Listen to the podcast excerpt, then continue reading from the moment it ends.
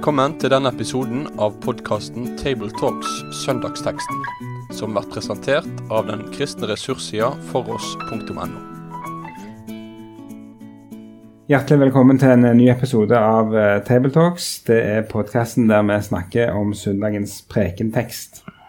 Og I dag så er det 15. søndag i treenighetstida vi skal være gjennom, og vi skal lese fra Johannes kapittel 15, vers 9-12.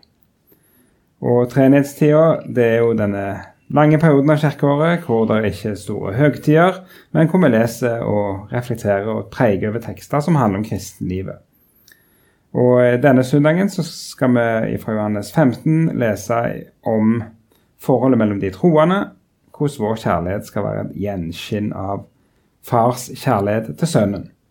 Og det er jo et høyt mål. Med meg for å snakke om eh, denne teksten, så har jeg Toril Slottsøen Asp. Og Sverre Bø. Og jeg er Knut Kåre Kirkholm. Da skal Toril få lese teksten fra Johannes 15. Som Far har elsket meg, har jeg elsket dere. Bli i min kjærlighet. Hvis dere holder mine bud, blir dere i min kjærlighet, slik jeg har holdt min fars bud og blir i hans kjærlighet. Dette har jeg sagt dere for at min glede kan være i dere, og deres glede kan bli fullkommen. Og dette er mitt bud. Dere skal elske hverandre som jeg har elsket dere. Yes. Vi er altså i Jesu avskjedstale, og eh, rett før oss har vi jo lest eh, om vintreet, og det å bli vintreet og ta det som frukt. Eh, og så er det jo måte den tematikken som videreføres her, dette med å bli. Og det er jo det som eh, ofte er temaet hos Johannes. Det er jo den i den og den i den, og bli der og bli der. Og så Det er veldig sånn forening hele tida. En, en, eh, en, en, og, det er jo det sånn det begynner her òg. Altså, eh, som far elsket meg, har jeg elsket dere. Da, da, er det jo en invitasjon inn i denne her guddommelige kjærlighetsrelasjonen som uh, Jesus kommer til disiplene med. Så vi hopper jo rett ut på ganske dypt vann her, kan vi gjerne slå fast om rent teologisk, med, med en sånn en uh, Rett inn i det, det gudsforholdet som er liksom uh, Forholdet i treenigheten som er utgangspunktet for hele tenkningen her. Så det er en, en solid start. Og det føres jo rett over, for jeg vil veldig fort over på at vi skal For det lurer jo på hvordan vi tenker om. Eh, jeg selv er vokst opp med at eh, alle sånne hvis eh, og betingelser, det liker vi ikke. Eh, for nåden er fri. Og lydighet og hvis, det er litt sånn Det kan bli lovisk. Men eh, vers 10 eh, er ganske tydelig, da. Hvis dere blir i mine bud. Hvordan tenker vi om, om det? Sverre, har du innledningsvis noen tanker? Jeg kjenner så igjen akkurat det du setter ord på, for uh, ethvert sånt forbehold med 'hvis', det ser ut til å liksom riste litt bakken under beina mine. Er ikke gudsforholdet og nåden uavhengig av alle 'hvis' og så fremt og i fall? Og vi kan lage oss noen eh, enkle, firkanta regler som blir rett og slett for enkle. Så enkle at vi slutter å høre hva teksten sier. For det står ikke noe annet på gresk enn det står på norsk. Det står 'hvis'. Og det handler om bud, å holde budene. Eh, og bud og kjærlighet stilles sammen på en måte som er ganske uvanlig i forhold til vår oppvekst og vår omgivelser. Vi tenker at kjærlighet er kjærlighet bare når den er fri, ikke når den er bundet av et bud og noen lydighet eller noe påbud. Men det er rett og slett en annen verden vi stiger inn i her, hvor de ikke skal spilles ut mot hverandre. Men det å leve i Jesu kjærlighet handler om å leve i lydighet, og hvor det lyder et himmelsk myndig hvis, som gjør meg eh, ganske så ydmyk i møte med Han som er min store dommer. Mm. For lydighet, kjærlighet og glede, Toril? Ja, det var det som slo meg når jeg begynte med denne teksten også. At det, det, er tre ting vi aldri ville satt ved siden av hverandre. Kjærlighet og glede er én ting, men den lydigheten den hører liksom ikke hjemme i det eh, rommet. Um, og, det, og, når jeg leser det, så vekker det jo også Det vekker nysgjerrighet hos meg. For Jesus setter det sammen. Og hva kan det være som er grunnen til at han setter det sammen, og mener at lydigheten på en måte vil jeg holdt på å si, virke befordrende på kjærligheten? Når jeg hører lydighet, og kanskje de fleste i vår tid, så, så tenker man begrensning, innordning, regler, ufritt, gledesløst. Eh, lydighet er liksom ikke noe dyd lenger. Men på, på, den andre siden så har, har vi jo det, den forståelsen i samfunnet også. At um, lydigheten tjener livet.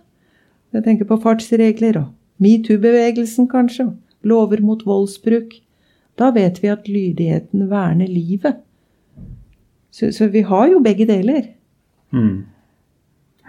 Men det er jo interessant. Det å bli i Jesu kjærlighet er knytta til å holde budene. Uh, og så sier han at eh, 'jeg har holdt min fars bud', uh, og, og, blir i hans kjærlighet.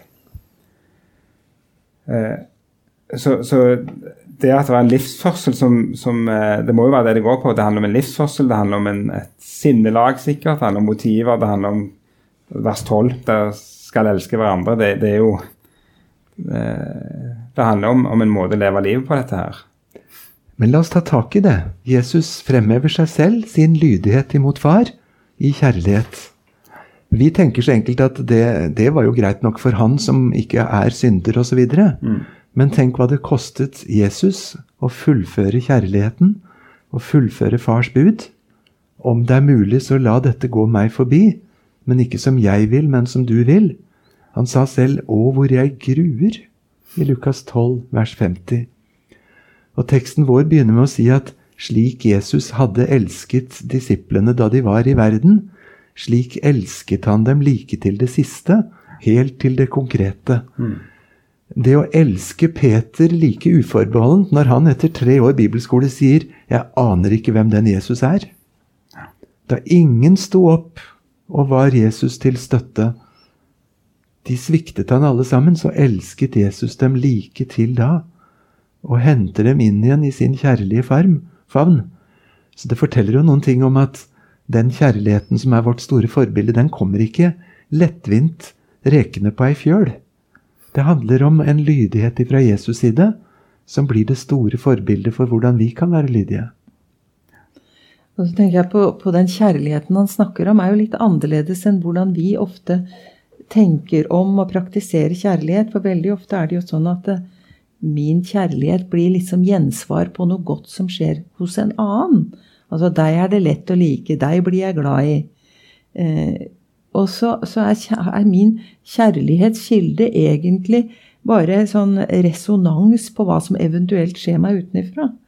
Men det er jo tydelig at Jesus forankrer kjærligheten et helt annet sted.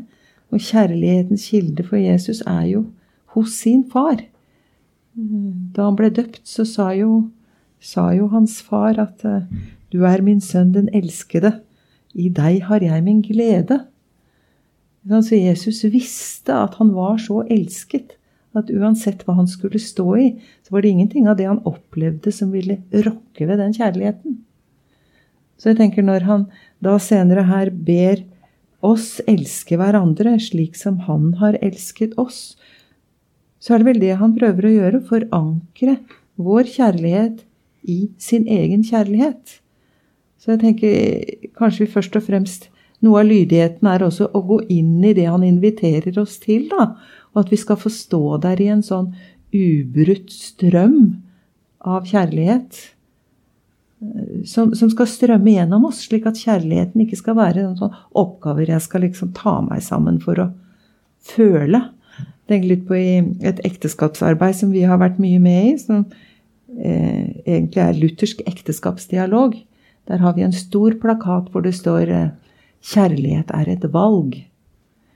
Eh, og jeg leste akkurat i en roman at det, det mest usikre man kunne bygge ekteskapet på, det var eh, forelskelse og følelser av kjærlighet. Så jeg tenker der, der, knyttes jo også litt av dette med, med lydighet, å bøye seg innunder, velge å praktisere litt uavhengig av følelsene. Jeg vokste opp som tenåring på 1970-tallet. Og som litt veslevoksen så hang jeg mye med de som var bitte litt eldre. Og som var barn av hippiebevegelsen og Jesusvekkelse og masse spennende. Som på sitt beste kunne ha en Jesusbegeistring aldeles fantastisk. Og på sitt verste kunne bli en sånn opprørsbevegelse som kasta det på båten. Og vi hadde lært Beatles sine sanger om at 'all you need is love'. Jeg dro til USA som student på slutten av 70-tallet og tenkte når jeg hører hvordan dette ordet 'love' blir brukt på engelsk Jeg skal aldri ta det i min munn mer. Jeg syns det var misbrukt på alle bauger og kanter som øyeblikkets lyster og innskytelser. Og mangel på forpliktelse og trofasthet imot kjærester eller imot eh, egne verdier, eller hva det var for noe. Og syntes jo det var nydelig å finne ut at eh, som teologistudent Nytestamentet har et eget ord for den kjærligheten som kommer fra Gud, og som har med den kristne kjærligheten å gjøre. Agape. Og tenkte det var bedre. Og jeg syns jo tross alt at det norske språk var litt mer eh, tilbakeholden med å bruke ordet kjærlighet enn det engelske ordet 'love' i slagere og filmer og sånt noe var. Mm. Nå, ok, Det var en litt sånn barnslig reaksjon fra meg den gangen. Men den handler litt om denne teksten at en misforstått versjon av love, av kjærlighet, den klipper alle fortøyninger. Av trofasthet, verken imot Gud imot en ektefelle, mot foreldre, eller hva det måtte være. Og den kommer på vidvanke og drifter i alle mulige retninger. Og, og der kommer Jesus med et myndig ord som forankrer sann kristen kjærlighet til ham og til de bud som han har gitt, mm. og står for det. Og Jeg leste faktisk eh, at det, agape da, er jo et ord som faktisk knapt er belagt i gresk før det kommer til Nytestamentet.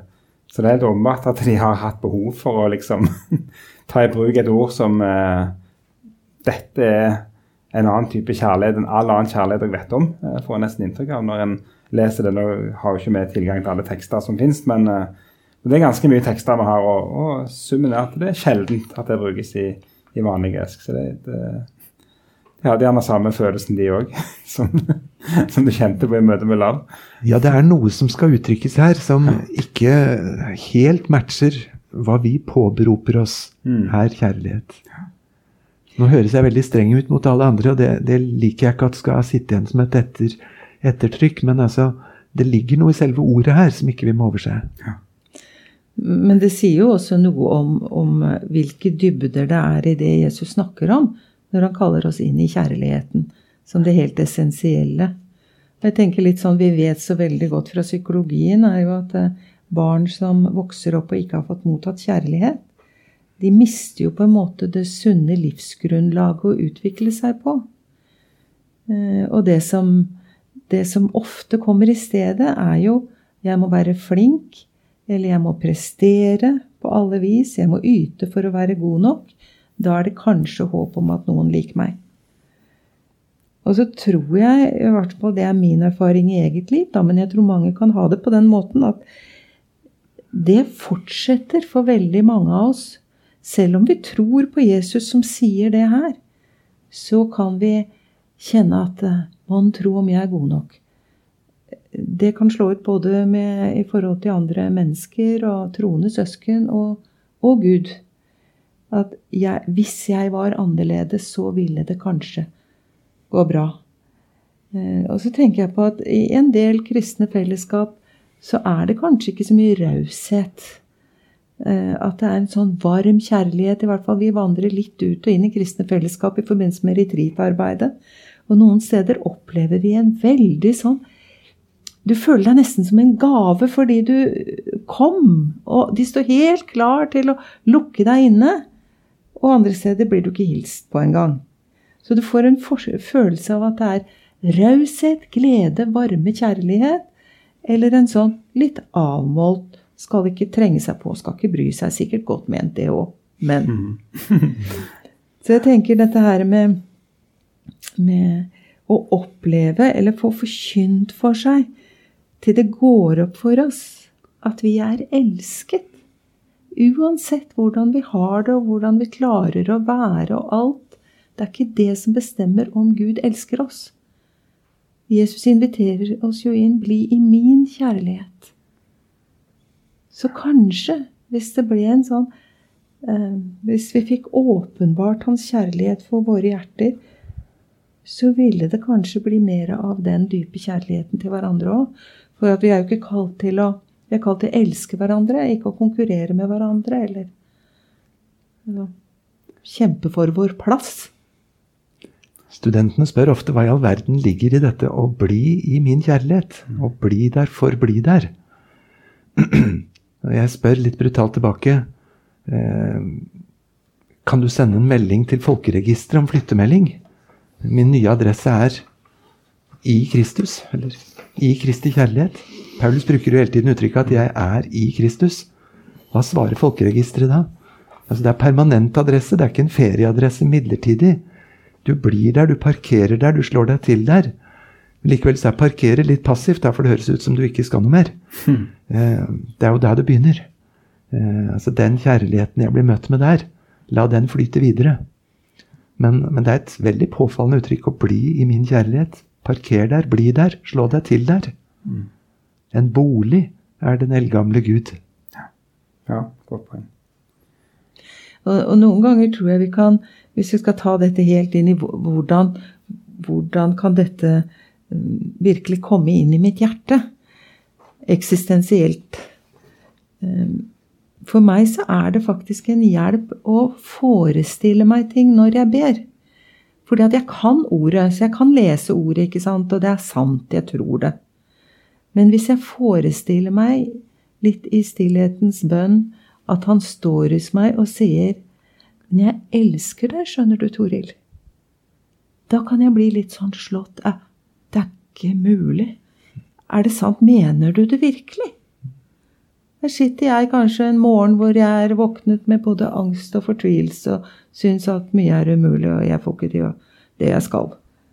Mm. Og så kan du si men, men jeg elsker deg, skjønner du. Så det blir et helt alternativt budskap å ta imot når han inviterer meg inn og ikke spør Syns du det går litt bedre nå? Eller du skal nok klare det, jeg skal være med deg, så jeg skal hjelpe deg. Men han går over på et annet spor.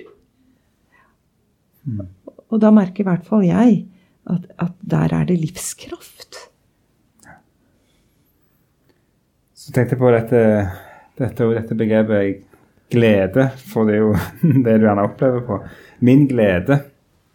Hva er Jesu glede? Jeg tenkte jo fort på hebreerbrevet eh, om eh, denne glede som ventet ham. Da må det være knytta til fellesskap med oss som han har frelst, eh, er vel en del av den gleden. Eh, er det her Nå kommer jo gresklæren fram her. altså er det jo er det den glede som Jesus har? Er det den glede som Jesus gir? Opphavs, opphav til? Det er ulike måter en kan tenke hva betyr det at Jesus har en glede som skal være i oss.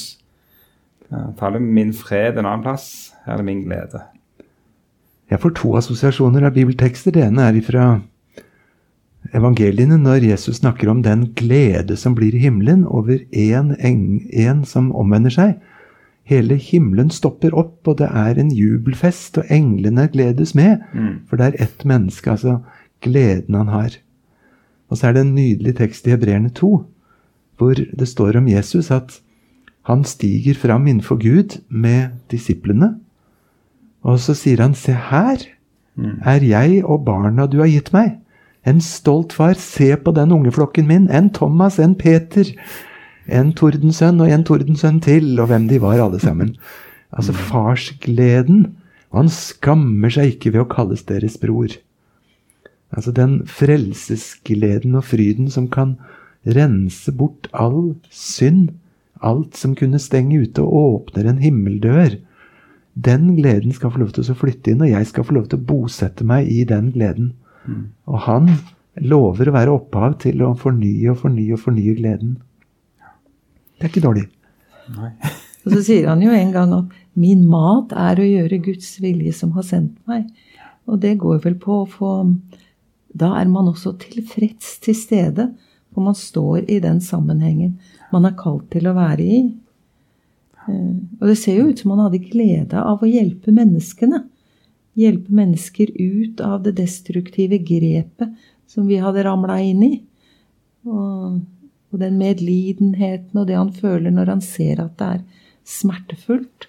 Enten det var de 5000-10 000 som ikke hadde mat, eller det var ved Lasarus' grav, eller han, eh, han slipper sorgen i sin medfølelse med oss, slipper han sorgen innpå seg. Og da må jo gleden være tett på når han kan gjøre noe med det. Mm. Og så er det i hvert fall ikke happiness. Mm. altså, vi har jo ikke akkurat den Nei. happiness og deep joy. Stemmer det. Den Men at det er mm. ja. Men så slutter jo teksten vår med dette her budet om denne kjærligheten som vi skal ha til hverandre. Og, og, klart, nå har vi jo Jeg tenker jo det at det vi har snakket om nå, er jo, det er jo kjærlighetens grunn, og det er jo, det er jo der denne kjærligheten kan, kan velle fram ifra sin kraft ifra. Men så er det jo det, altså Ja, det ble, sagt, det ble vel sagt om de første kristne, iallfall er det sitert, se hvor de elsker hverandre, som var en ting som ble lagt merke til. Eh, så kan jeg av og til lese i kommentarfeltet i kristendebatten eh, av folk som heller sier dere kristne, altså, se hvor de hater hverandre. Eh, det der med denne kjærligheten versus la oss si, konflikt og versus det som er vondt og vanskelig i fellesskapet. Klarer vi å spandere to-tre ord på det òg før, vi gir oss? Skal vi bare Ja, hvordan forholder vi oss til det? Ja, vi har jo faktisk en 15, 16, 17, 18 brev i Nyttestamentet som tar tak i de helt konkrete situasjonene. Paulus skriver mange ganger om disse hverandre-ordene, at vi skal elske hverandre inderlig og helhjertet, slik Jesus har elsket. Men så er det andre steder at han tar tak i den virkeligheten som ikke var særlig idyllisk. Eh, og Et sted så skriver han til galaterne at hvis det er sånn at dere driver og glefser etter hverandre og biter hverandre, så får hver prøve å passe på at han ikke blir aldeles fortært mm. av de andre. Jeg husker en jente som kom til meg i sjelesorg og sa det at jeg syns det er så vanskelig å be Fader vår, for jeg ber stadig vekk feil. Frels oss fra hverandre. Og Jeg prøvde å si at Gud var ikke så farlig å forsnakke seg, for Gud ser til hjertet. Ja, men det er det som er problemet, sa og det er det jeg egentlig mener. Mm. Og Det var en sår opplevelse av at det kristne fellesskapet ikke boblet over av den kjærligheten og gleden som teksten snakker om, men disse andre skyggesidene. Og det er jo så alvorlig. Og det er en virkelighet Bibelen kjenner. Brevene tar tak i, og Jesus også gjør det. Men det spenner ikke beina under at det er alvorlig ment fra Herrens side. Mm. Fint. Da det er viktig at vi bare fikk tatt det med òg, for det er jo det er liksom skyggesida til denne teksten er jo at eh, det er nettopp der realiteten er oftest annerledes. Og um, det er vel at det, det, stilles opp et ideal og en standard, og så er det det vi søker å leve etter. Og, og Jesus er òg kilden til dette livet, og så er det samtidig da at uh, bønnen om tilgivelse er jo påtrengende viktig her, fordi at det fort der vi havner i møte med et sånt ideal og en sånn standard. Jeg tenker også Det står jo at den fullkomne kjærlighet driver frykten ut. Så jeg tenker det er en sammenheng mellom at jeg får lov å hvile trygt i Guds kjærlighet til meg, og om jeg tør å elske andre. For ofte kjenner jeg at det er frykten for de andre som gjør at jeg ikke tør å rekke ut en hånd. Fordi jeg er redd for hvordan jeg blir møtt, og jeg er redd for avvisning. Eh, men den fullkomne kjærlighet driver frykten ut. Kanskje frykten både på det planet og selvsagt for de store. For Guds dom og for det. Men, mm. mm. men det å bli elsket og få lov å komme inn i dybdene av Guds kjærlighet til meg, det er, der er det legedom. Mm.